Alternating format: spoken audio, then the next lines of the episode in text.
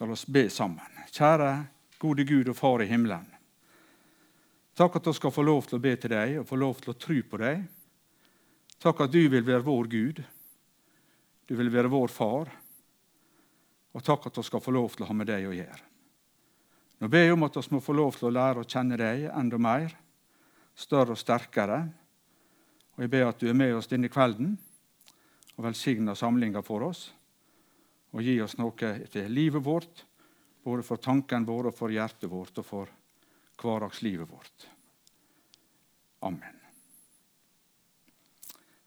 Hva tror jeg egentlig på? Det er kanskje et dumt spørsmål, da, for jeg tror på Gud. ikke sant? Trenger jeg med de fleste. Tror på Jesus, det bruker vi ofte å si. og Av og til får vi spørsmålet tror du på Gud eller tror du på Jesus. Og så svarer oss ja, selvfølgelig. Det gjør jeg. Klart det. Men for å ta et ekstra spørsmål i tillegg ja, hva vil det si? Når du sier du tror på Gud eller tror på Jesus, hva, hva mener du med det? Og Da er det jo kanskje sånn som meg at da, da blir det litt stotrete, og ordene blir mange, og det blir vanskelig å finne ord. Og så stokker det seg liten grann til. Eh, hvordan forklare? Hva, hva tror jeg på? Hva er det å tro på Gud? Tro på Jesus? Tro på Den hellige ande? Og Her er det at uh, Truvekjenninga vår den kan gi oss ei god hjelp. Den peker tilbake igjen på Guds ord, og så prøver han å formidle det som er summen og det som er hovedsakene der. Og I tillegg til det så tenker jeg at Luthers lille katekisme, lite hefte som Luther skrev om hovedinnholdet i den kristne trua, der han forklarer også innholdet i truvekjenninga, det er noe som kan være til hjelp for oss og til oppbyggelse for oss. Dette hjelper oss både innad for vår egen del, at jeg holder klart for meg sjøl. Ja, dette det tror jeg på. Dette bygger jeg livet mitt på. Og så hjelper det oss utad. Jeg har noe å bekjenne. Jeg har noe å vitne om. At slik er den Gud jeg tror på. Dette innholdet i min tro.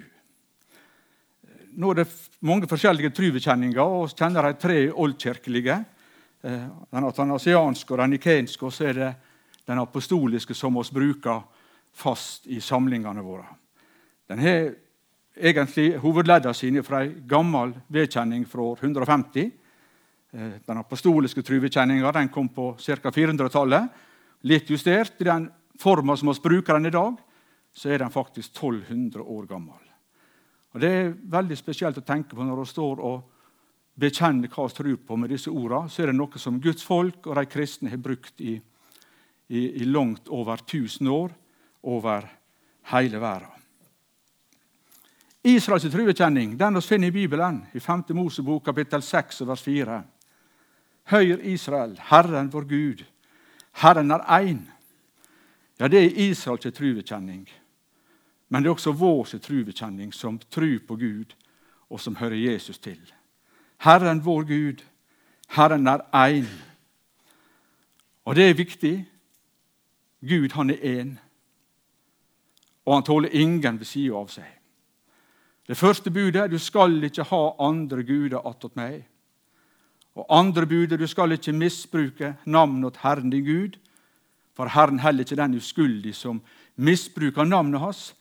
Det har sitt feste og sitt utgangspunkt i dette at Gud han er én, og det er bare Han. Og det er ikke flere. Det er gjennomgående gjennom hele Bibelen vår. Så kommer samtidig dette merkelige da, at den Gud som er én, han er også en treenig Gud. Han er én av vesen og samtidig tre personer. Faderen, Sønnen og Den hellige ande. Det er flere skriftsteder i Bibelen vår som handler om treenigheten, som peker på det at han er én og samtidig tre skal ikke lese på langt når alle som står der, men det går an å notere for dere som har lyst til å ta med noe av det. Men jeg skal lese det som står i Første Mosebok, kapittel 1, over 26 og 27.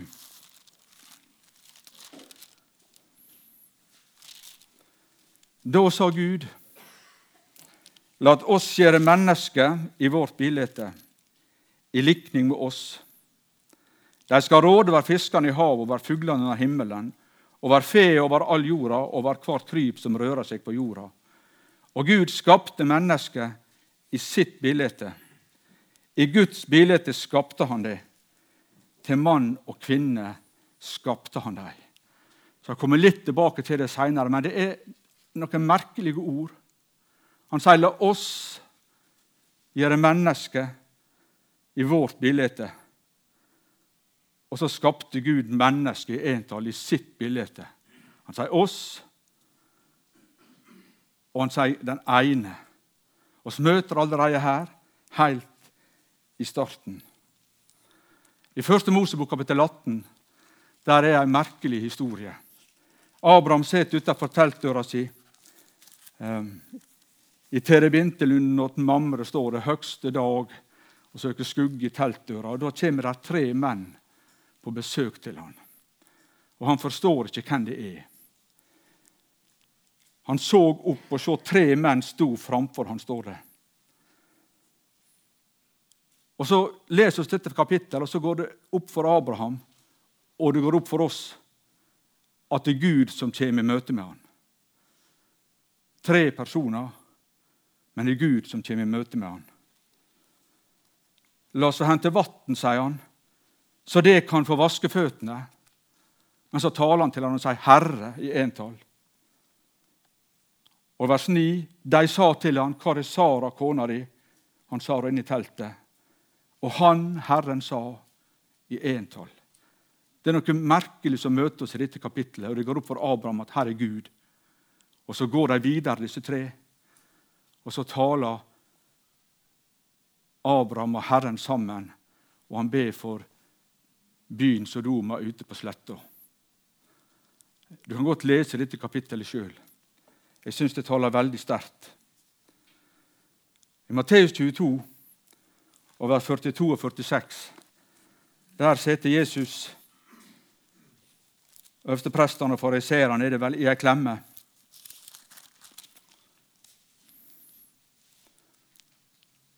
Hva mener de om Messias? Hvem er han sønn til? Til David, svarer de. Han sier til dem, hvordan kan da David i anden kalle han for Herre? For han sier, Herren sa til min Herre, set deg ved min høyre hånd, til jeg får lagt fiendene til dine til skammel for føttene dine. Når nå David kaller han herre, hvordan skal han da være sønnen hans? Og Ingen kunne svare han et ord, heller ikke våga noen å spørre han mer fra den dagen. Han møtte oss to herrer. Herren sa til min herre Han som skulle være Davids sønn, han er plutselig Davids sin herre og Gud. Og så er det en samtale mellom denne Davids sin herre og han som er Gud og Herre. Mye kunne vært lest fra Bibelen om dette med treenigheten, men jeg nevner det bare kort. Å lære om Guds treenighet det kommer vi tilbake til i time to og time tre. Den er helt avgjørende for hvordan Gud frelser når Jesus kommer inn i verden vår. Og den er helt avgjørende for hvordan et menneske kommer til tro på Jesus og tilegner seg Guds ord, slik at det blir til frelse evig liv, som vi skal høre om når vi stanser for den tredje trosartikkelen om den hellige ande. Det er mye spennende kirkehistorie og dogmehistorie å lese om disse tingene for den som har interesse av det.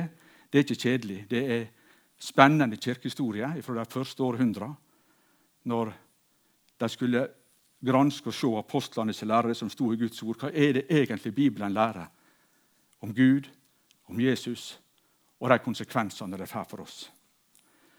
En ting til for oss begynner på første trosartikkelen. Så jeg vil si litt om Hvordan åpenbærer Gud seg? Hvordan avslører Han seg for oss? Hvordan skjer det? Det kunne det sies en hel del om, men, men bare dette viktige og sentrale. Han gjør det gjennom å tale til oss. Han gjør det gjennom ordet sitt. Og Grunnen til at det er slik, det ligger i Gud sjøl. Det kan ikke oss forklare. Han kunne sikkert valgt å åpenbare seg gjennom følelser eller gjennom luktesansen vår eller på en eller annen måte. Men han har altså valgt å gjøre det slik. Han gjør det gjennom å tale og gjennom å bruke ord. Slik skapte han verden vår. Og Gud sa, 'Det blir lys', og så ble det lys. Og han sa, og så sto det der. Og Slik møter han oss i Bibelen. Han taler til oss, slik at de som hører det første gang, kunne høre det. Og oss kan lese disse ordene med øynene våre og forstå det som står der. Og Slik er det også han frelser et menneske og fører det inn i fellesskap med seg. I 1. Peters brev, kapittel 1 og vers 23 eh, Det er lett å huske. 1. Peter 1, 2, 3, hvis dere vil pugge skriftstedet hva det står hen. Eh, For det er atterfødde ikke av forgjengelig, men av uforgjengelig sæd, ved Guds ord, som lever og vert værende. Da skjer det noe nytt i livet vårt. Jeg skal snakke mer om det i tredje timen. Og Et fantastisk vers i apostelgjerningene også, kapittel 10 vers 44. Da står Peter i Kornelius sitt hus, og så forkynner han enkelt og like til evangeliet om Jesus og hva det betyr. Og Da står det sånn Medan Peter enda taler disse orda, fall Den hellige ande på alle som hørte ordet. De satt der og lytta til Guds ord, lytta til evangeliet om Jesus, åpenbæra gjennom Peters tale, gjennom Guds ord som han talte. Og Den hellige ande falt på dem uten at de visste det sjøl. Underforstått, de var født på ny, var Guds barn. De tok imot det og kom til levende tru. Der de satt og lytta til ordet i evangeliet som Peter forkynte. Det får være nok til en liten sånn innledning om Gud. Og stanser for første trusartikkelen resten av minutta som vi står her nå. Og Den lyder sånn, og kan ikke bare si det i lag, disse første leddene her? Jeg tror på Gud Fader, den allmektige, som skapte himmel og jord. Tenk å få lov å si det, og få lov å bekjenne det for meg sjøl og for andre. Dette tror jeg på. Jeg tror på Gud Fader, den allmektige, som skapte himmel og jord. Vet, oss, sier det så ofte oss dette her på, at vi tenker ikke hva som står her. egentlig. Men det er egentlig en fantastisk formulering. Her er tre store ting i disse enkle få ordene. Gud er far, og Gud er allmektig. Og Gud han er den som skapte himmel og jord. Det tror jeg når jeg tror på Gud. Gud er far. Hvordan vet vi det? Ja, det er Jesus som har lært oss å kjenne Gud slik, som far. Det er Han som har ført oss inn i dette bildet, som har gjort det klart for oss hvem Gud er. Han sier at Gud er far. Johannes evangeliet kapittel 8 vers 19. Der sier han det slik at kjente det meg, så kjente det far min òg. Det sier han altså om Gud i himmelen. Og så snakker han om seg sjøl. For da Sønnen gjort dykk frie, da blir det virkelig frie, i vers 36. Han kaller Gud i himmelen for far og seg sjøl som Sønnen i dette innbyrdes forholdet mellom de to. Og så har han lært oss dette fantastisk at jeg og du som tror på Jesus, og er kommet i fellesskap med Han, skal få lov til å bruke akkurat samme uttrykk om Gud i himmelen som Jesus sjøl bruker. Og det er stort, altså. Han har lært oss å be Fader vår eller Vår Far i himmelen. Slik skal vi få lov til å henvende oss. Abba, far, står det i Romerbrevet. Og kanskje var det det uttrykket Jesus sjøl brukte når han lærte oss å be Fader vår når han talte til Gud. Abba, det er arameisk, det ordet som, språket som Jesus talte. Og Kanskje er det sånn det ble oversett til gresk i Bibelen vår når vi ser det som vår far. Abba, pappa han som jeg hører til. Og når han er stått opp igjen på påskedag, og Maria Magdalena ligger der framfor han i forundring over at han lever, så sier han, 'Gå til brødrene mine og si dem at nå får jeg opp til Han som er min Gud og dykker Gud, min far og deres sin far.' Ser at det til Jesus som lærer oss dette, at Gud er far. Um, er Gud far til alle? Eller er han far bare til noen? Hva skal vi tenke om det? Men Gud er far til alle, og jorden er vårt sted, og alle, alle mennesker det er vi venner med. Er det sånn? Ja, I den forstand at vi er skapt av Gud, så går det an å si det. Um, og Det er ett skriftsted i, i den oversettelsen som jeg bruker, sånn som det er stått i Bibelen i Efeserbrevet kapittel, kapittel 3, vers 14 og 15. Derfor bøyer jeg mine kne for Faderen, sier Paulus, han som er den rette far for alt som er kalla born i himmelen og på jorda. Kanskje treffer 2011-oversettelsen det like bra. Han oversetter det sånn Han som har gitt navn til alt som heter Far i himmel og på jord. Altså Gud er den rette far. Han er, han er modellen for hvordan en far skal være. Og Han er far på den måten at han har gitt liv til alt som er skapt. Men å komme inn i dette barneforholdet til Gud som Jesus taler om, det kan bare den som har fått evig liv ved trua på Jesus. Kan si at han er min far, han som jeg hører til. Og jeg er hans barn, født på ny. Men så er det han som er modellen for hvordan oss som har fått lov å være jordiske fedre, skal være. Det er ikke omvendt, altså. Det er ikke oss som jordiske fedre som er et bilde på at Gud også er far. Da bærer det veldig galt av gårde når det gjelder gudsbildet vårt. Dette er veldig viktig. Det er Gud som er det egentlige og det første, som er slik som en far skal være, i fullkommenhet. Eh, oss som er fedre, oss er ja, Vi har ikke vært det lenge for oss opplever utilstrekkelighet og ser ting som skulle vært gjort annerledes. Og kapasitet som ikke er sånn som man skulle være. Da er det så viktig å tenke at det er ikke det jordiske som er bildet av Gud som far, men det blir tegna for oss i Bibelen. Og så er det en modell for hvordan oss som jordiske fedre skal være. Dette er uendelig viktig for gudsbildet vårt, akkurat dette. Bare si liten grann om det. Ehm, det er jo mye skrevet om det og sagt om det. Eh, dette at eh, Bildet vårt av hvordan Gud i himmelen er som far overfor oss, det blir lett farga av vårt eget forhold til våre, våre, egne fedre. og Det tror jeg det er noe i. Um, oss vet kanskje i teorien at det ikke er sånn, men på det følelsesmessige planet så vil det ofte bli slik at det satt kanskje den som har hatt en far som har vært veldig sånn streng og ja, det skal ikke være noe tull, sånn og sånn, sånn og sånn.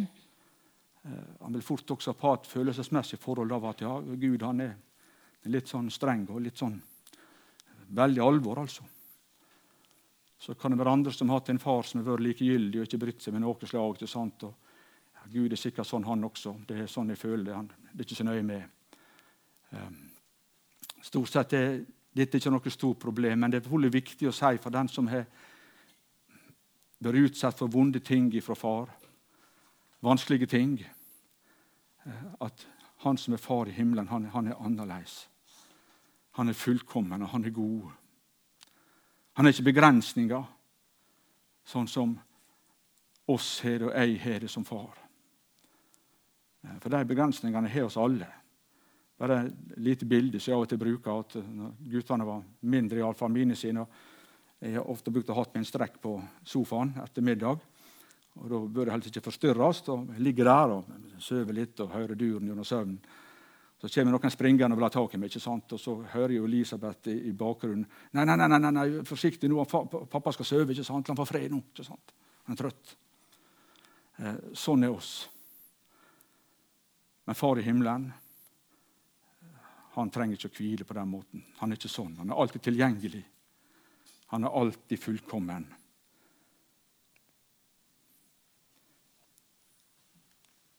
Gud, han er allmektig. Han kan alt. Det er ikke noe som er umulig for han. Jeg som tror på Jesus og er Guds barn, jeg har altså en pappa i himmelen som kan alt. Ingenting er umulig for han. Jeg husker når vi var små, så var det, ja, det var viktig å ha en sterk far. Jeg, jeg syns det, altså, at han hadde muskler og sånn. Jeg husker en nabogutt lenger oppe i veien. han, Pappa sa han, han kan ta en murstein og så kan han slå karate på han sånn, og så går han rett av. sa han. Oi, tenkte jeg, det var, var voldsomt, altså. Det, ikke sant? Eh, han var sterk. Han kunne mye. Det er en helt annen dimensjon av det som vi snakker om når Bibelen snakker om at Gud er allmektig. Da blir det puslete, dette med å slå av en murstein og ha noen muskler. og være dyktig på så mange måter. Gud i himmelen, min far, han kan alt. Og han bruker ikke den allmakta si vilkårlig. For det står om Gud i Salme 106 at Gud er god, og hans miskunn varer til evig tid. Og I 1. Johannes brev står det at Gud er kjærleik. Han som er min far, og som kan alt, han er god. Og han elsker sine. Og så bruker han all makta si i overensstemmelse med det. Et skriftord som jeg sjøl er veldig glad i, det står i 1. Mosebok kapittel 17 vers 1. Abraham og Gud. Eh, ja, Abraham opplevde nok Gud noe fjern der og da og i tida før. Hvor er han hen? Han har fått løfte om ei slekt. og Gud vil ta seg av han, han skal få en sønn skulle bli utelljende, denne slekta her. Likevel skjer ingenting. Og åra de går, og Abraham lurer og forstår ingenting av dette her. Så står plutselig dette ordet her i 1. Mosebok 17, vers 1. Da Abraham var 99 år gammel, åpenbæra Herren seg for han og sa:" Jeg er Gud, den allmektige. Færast for mitt åsyn og være ulastende. Men tenk for ei åpenbaring av Gud gjennom ordet som han talte. Plutselig står han der framfor Abraham. 'Jeg er Gud den allmektige.' Og så taler han de ordene inn i Abraham sitt liv, utover alle Abraham sine problem og vansker og spørsmål som han sitter med, og ting han ikke forstår. Så sier han bare disse ordene. 'Jeg er Gud, den allmektige'. Og så er Guds ord levende. Og det er det samme i dag. Han er den samme Gud og den samme far for meg og deg. Og når du leser dette bibelordet, så gjelder det meg og det gjelder deg her og nå. Han taler det inn i ditt liv, utover det som du kanskje kjemper med stri med, alle spørsmålene du kanskje måtte ha. Jeg er Gud den allmektige, sier han. Det er ikke noe som er mulig for meg. Og jeg ser den situasjonen. Og jeg har råd. Så ble det for Abraham også. Gjerne på en helt annen måte enn han hadde tenkt. Ja, Dette syns jeg er et uh, mektig fint ord. Det forstår dere sikkert. Det har betydd mye for meg sjøl. Gud er far. Gud allmektig. Så var det det tredje leddet i, i denne første artikkelen, truserkjenninga. Gud han er skaper av himmel og jord. Ja, Det er noe annet enn å kunne slå av en murstein. Det er det, altså. Han er skaper av himmel og jord. Der det ingenting var. I opphavet skapte Gud himmelen og jorda. Og så skaper han av ingenting, han. Og skal han også skape og lage forskjellige saker. Ja, Jeg kan ikke så fole mye, men det er de som er flinkere enn meg med sånt. Mange er fortrulig flinke med hendene sine og kan få til. Men Gud er en klasse for seg. For han trenger ikke noe materiale. Han trenger ikke noe utgangspunkt. Han bare skaper uten at det er noe fra før. Ved sitt ord Gud sa, og det vart, og det sto der. Jeg skal tilbake til skaping av mennesket. Første Mosebok 1. Da sa Gud, lat oss gjøre mennesket i vårt bilde, i likning med oss. Så står det at Gud skapte mennesket i sitt bilde. I Guds bilde skapte han det. Til mann og kvinne skapte han dem. Og Det er det som står i disse ordene, som gir mennesket en uendelig verdi. Som gjør at det skiller seg fra alt det andre som Gud har skapt. Ja, det at det står i et helt annet forhold til han enn kyrne og sauden og bjørnen og treet og steinen og taren. Det står i et helt spesielt og annerledes forhold til han.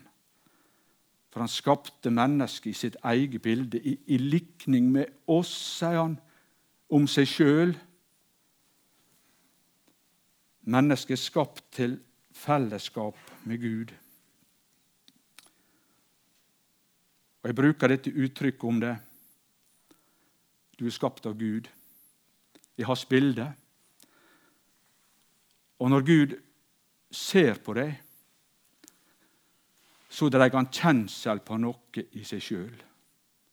Har du tenkt på det? Han kjenner igjen noe der. For han har lagt bildet sitt inn i deg. Ja, men eh, syndefallet og, og syndeforderv og alt dette her da Da ble vel alt ødelagt. Miste ikke oss gudsbildet da? Ble ikke det ødelagt og knust og skada? Ja, det ble ødelagt. Knust også. Skada. Ikke sånn som før. Det høres vel mist verdien, da. Betyr ikke mennesket noe da lenger? Mange tenker sånn. Men da kan oss eh, ja, setter det på spissen, skyte hverandre uten at det skulle ha noen konsekvens. ikke sant? Fra Guds side også. Første Mosebok, kapittel 9 over 6. Og det er talt om gudsbildet etter syndefallet. Merk deg det. Det er når Noah stiger ut av arka. Det er en ny dag. Den som renner ut menneskeblod, hans eget blod skal bli utrent av mennesket. For i Guds bilde skapte han mennesket, står det. Legg merke til det. Her ser vi noe av verdien, hva et menneskeliv er verdt. Og Jeg ser for meg det at når Gud sier dette her, og han kommer med begrunnelsen, da da løfter han virkelig pekefingeren, altså. For i Guds bilde, i mitt bilde, skapte mennesket. Ser du det? Etter at Adam og Eva falt i synd, etter at de fleste var rydda ut i syndfloda, og Noah står der sammen med slekta si så taler han om konsekvensene av å ta et liv. Og så begrunnelsen mennesket skapt i Guds bilde.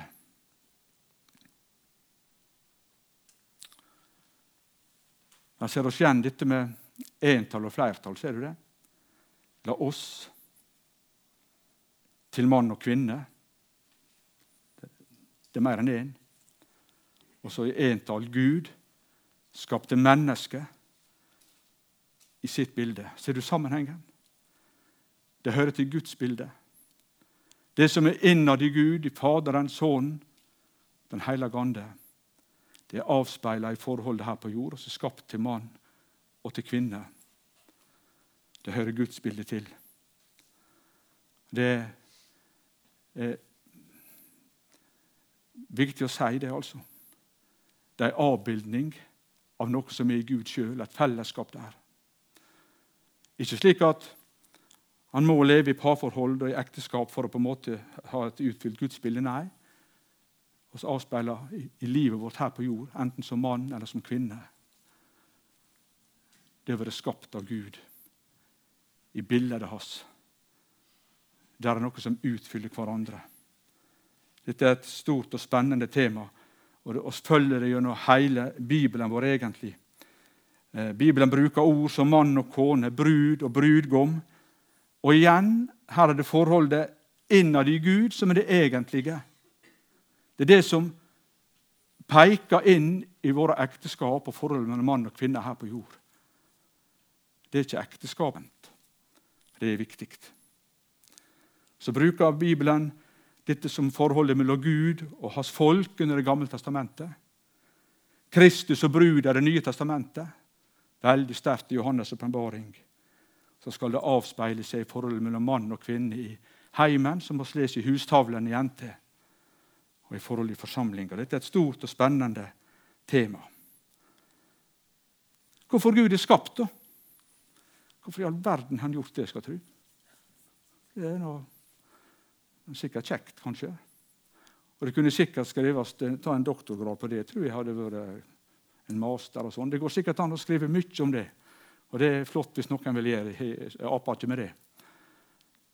Og samtidig så er det så befriende å lese dette verset. Åpenbaringen kapittel 4, vers 11. For du har skapt alle ting. Og fordi du ville det, vart de til og vart skapte. Ser du det? Fordi Gud ville det. Du er skapt, du var til. Du sitter her med livet nå fordi du er villet av Gud. Eh, jeg må si for min egen del, Å lese dette bibelordet det gjør meg inderlig godt. Og så får jeg si det. Ja, sånn er det altså. Tenk det. Han har skapt alle ting. Du skapte meg, Gud. Med mine gaver sånn som jeg er. Fordi du ville det. Jeg var ønska. Og du er ønska av Gud. Du må aldri tenke noe annet om deg sjøl enn det.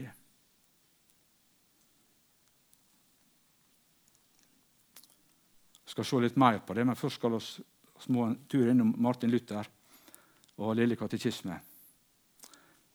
Eh, der forklarer han jo først eh, buda og Fader vår, og så er det truvekjenninga og dåpen og nattverden.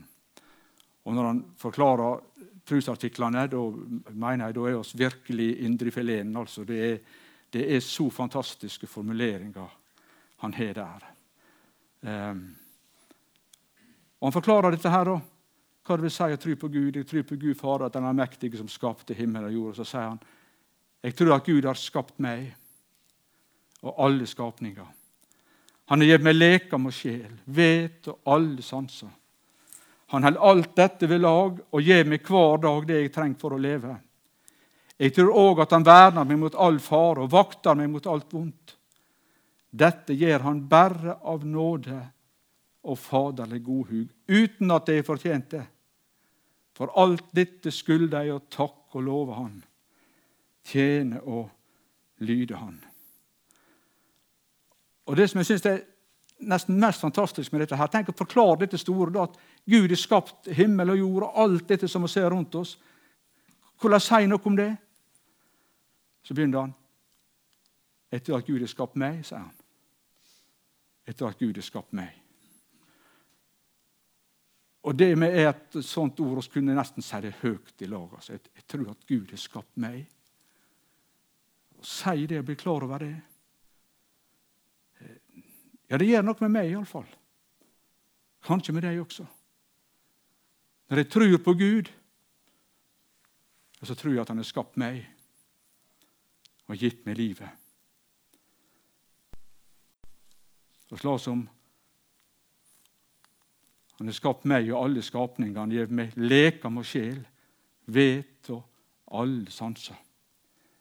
Kroppen min er gudvilla og godt. Sjel og syke og indre liv skapt av Gud. Vet og forstand, fått det av Han. Sanser, det å kunne kjenne og oppleve.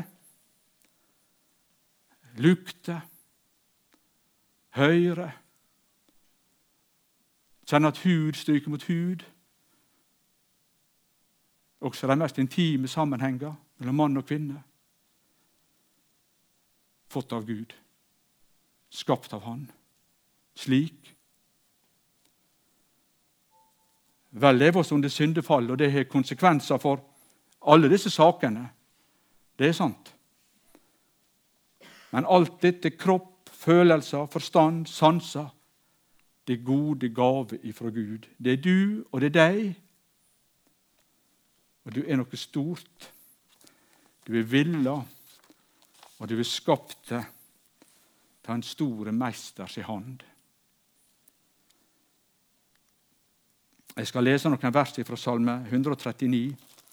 Det står bare det ene på skjermen her, men jeg skal lese litt flere. Så kan du legge øret til når jeg leser disse ordene litt sakte. 139 fra vers 13. Du har skapt nyrene mine. Ja, tenk det, altså. Du har forma meg i mors liv. Jeg priser deg fordi jeg er verka på skremmende underfull vis underfull av dine gjerninger, det veit mi sjel så vel. Mine bein var ikke skjulte for deg da jeg ble laga i løgndom, da jeg ble laga med slik kunst i djupet av jorda. Dine øyne så meg da jeg bare var et foster.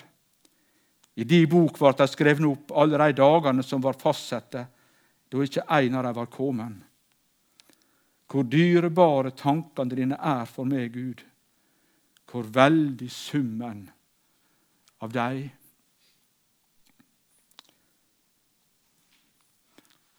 Og Da forstår oss det. Å si at det ikke betyr noe eller er noe, ikke er verd noe. Ja, men det er jo synd imot Han som har skapt deg og gitt deg livet. Som skapt av Gud i hans sitt bilde er det noe uendelig stort. Og så har ikke Gud trukket seg tilbake etter skapelsen. Han har omsorg for det skapte. Han holder alt dette ved lag, sier Luther, og gir meg hver dag det jeg trenger for å, dele, for å leve.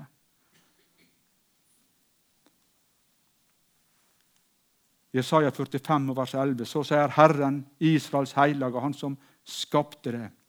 Spør meg om det som kjem, lat meg syte for barna mine og for verket av hendene mine.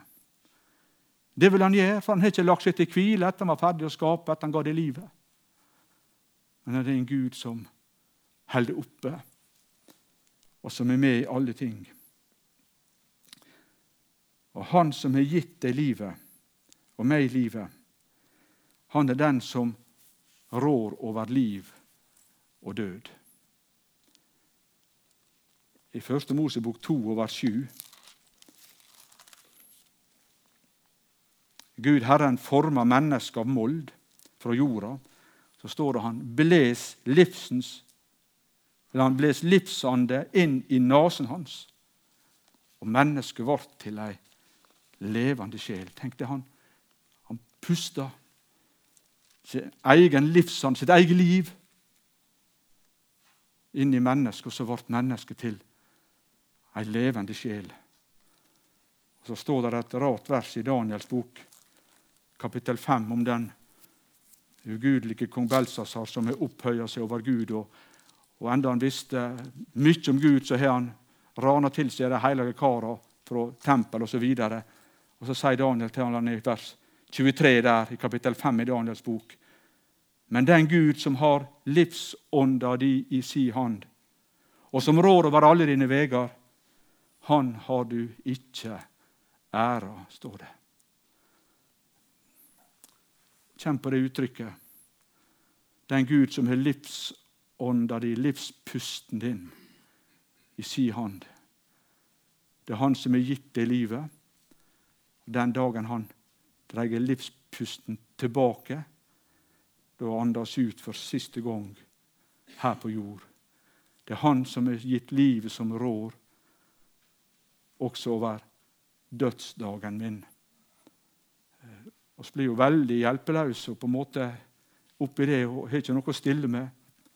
Og Samtidig så trygt, altså, at livspusten min, den er i Guds hand. Og så vil Gud være vår far. Han er omsorg for sine også når det gjelder det jordiske livet, med alle bekymringene som er knytta til det. Hebreabrevet 13, vers 5, for han har sagt:" Jeg skal ikke slippe deg og ikke forlate deg. Det har han sagt. Ja, men det var jo sagt til Josva i Det gamle testamentet. Det er jo han det gjelder. Det er jo derifra han siterer. ikke sant? Kan det gjelde oss, da? Ja, for slik bruker Det nye testamentet løfter til personene som levde med Gud, og til Guds folk i Det gamle testamentet. Det gir meg veldig trygghet og hvile i å ta disse ordene til meg. Både leser når jeg leser dem i Det gamle testamentet og i Det nye. For han har sagt, 'Skal ikke slippe deg og ikke forlate deg'. Og Det er derfor vi kan rope til Gud, be til Gud, sørg, og kjære Fader, du, jeg vil ikke sørge. Ikke med bekymret hu om min fremtid spørre. Hvorfor er han så god, da? Hvorfor tar han dette ansvaret for oss? Hva er grunnen til det? Ja, Luther sa det i forklaringa, ikke sant? Alt dette gjør han bare av nåde. Ja. Av faderlig godhug, uten at jeg fortjente det. Bare av nåde. Og så vil han ha gjensvaret vårt. Et vers som står i Jakobs brev. Jeg vet ikke om du har tenkt på det. Det er mye å si om dette verset, men det står altså at med brennhug trår han etter den ånd han let bo i oss. Ånd står med liten å, det er ikke Den hellige ånd, men det er nettopp det som han bles inn i oss da han skapte mennesket sitt bilde. Han la ned noe der i mitt og ditt liv som han trår etter fellesskap med. Og der mennesket dreier seg unna, så takler han det altså ikke da, da griper han inn fordi han, han, må ha tak i hver enkelt. Det er noe der av Guds bilde mennesker som han ikke kan miste, og som han må ha tak i. Syndefallet sin dag i Edens hage. Hvem var det som kom til hvem når det gikk galt? Hvem var det som kom til hvem? Kapittel 3, vers 8 og 9. Og de hørte Gud Herren som vandra i hagen da dagen hadde blitt sval. Og Adam og kona hans løgnde seg for Gud Herrens åsyn mellom trea i hagen. Da kalla Gud Herren på Adam og sa, 'Hvor er du? Hvor er du?' Ser du det? Ja, Det ligger noe av regnskap i dette. her, Det gjør oppgjør, det gjør det. Men det ligger også et farshjerte der som ikke takla at mennesker hadde blitt borte, hadde gjemt seg og brøt kontakter. Og så er det han som oppsøker, og ikke orker tanken på at mennesket Adam og Eva, du og jeg, skal glippe ut av hendene hans og komme bort. Det greier han bare ikke. Med brennhug trår han etter den ånd han lot bo i oss. Det er fars hjerte. Og så er det snart slutt nå. Men en dag så skal Gud skape på nytt. Det leses om i åpenbæringsboka, eh, kapittel 4, vers 8. Heilag, heilag, heilag er Herren Gud den allmektige. Han som var, og som er, og som kjem. Skulle tenke at det skulle stå 'Han som var, og som er, og som blir'. Og Det er for så vidt også rett. Men han som kommer Det handler om at Gud er en handlende Gud som ikke hviler. Og han er ikke ferdig før han har fått gjort det som har gått galt, godt igjen. Da kommer han for å skape en ny himmel og en ny jord der rettferdighet bor. Fordi Gud han er skaper, og han makter også å gjøre noe med det. Så slutter vi med de versene fra kapittel 21 i Johannes' åpenbaring. Og jeg så en ny himmel og en ny jord. For den første himmelen og den første jorda hadde kommet bort, og havet er ikke mer. Og jeg så den hellige byen, det nye Jerusalem, stige ned fra himmelen for Gud, gjort i stand lik ei brur som er prydd for brudgommen sin. Fra trona hører jeg ei høg røyst som sa, Sjå Guds bostad der jo mennesker. Han skal bo hjå dei, og dei skal være hans folk. Og Gud sjølv skal være hjå dei og være deira Gud. Han skal tørke hver tåre fra auga deira, og døden skal ikke være mer. Og ikke sorg og ikke skrik og ikke pintelig skal være mer. For dei første ting har kommet bort. Og han som sa på trona, sa, Sjå, jeg gjer alle ting nye. Og han sier til meg, skriv, for disse orda er truverdige og sanne. Jeg tror på Gud Fader den allmektige, som skapte himmel og jord. Og en dag skal han gjenopprette det og skape en ny himmel og ei ny jord.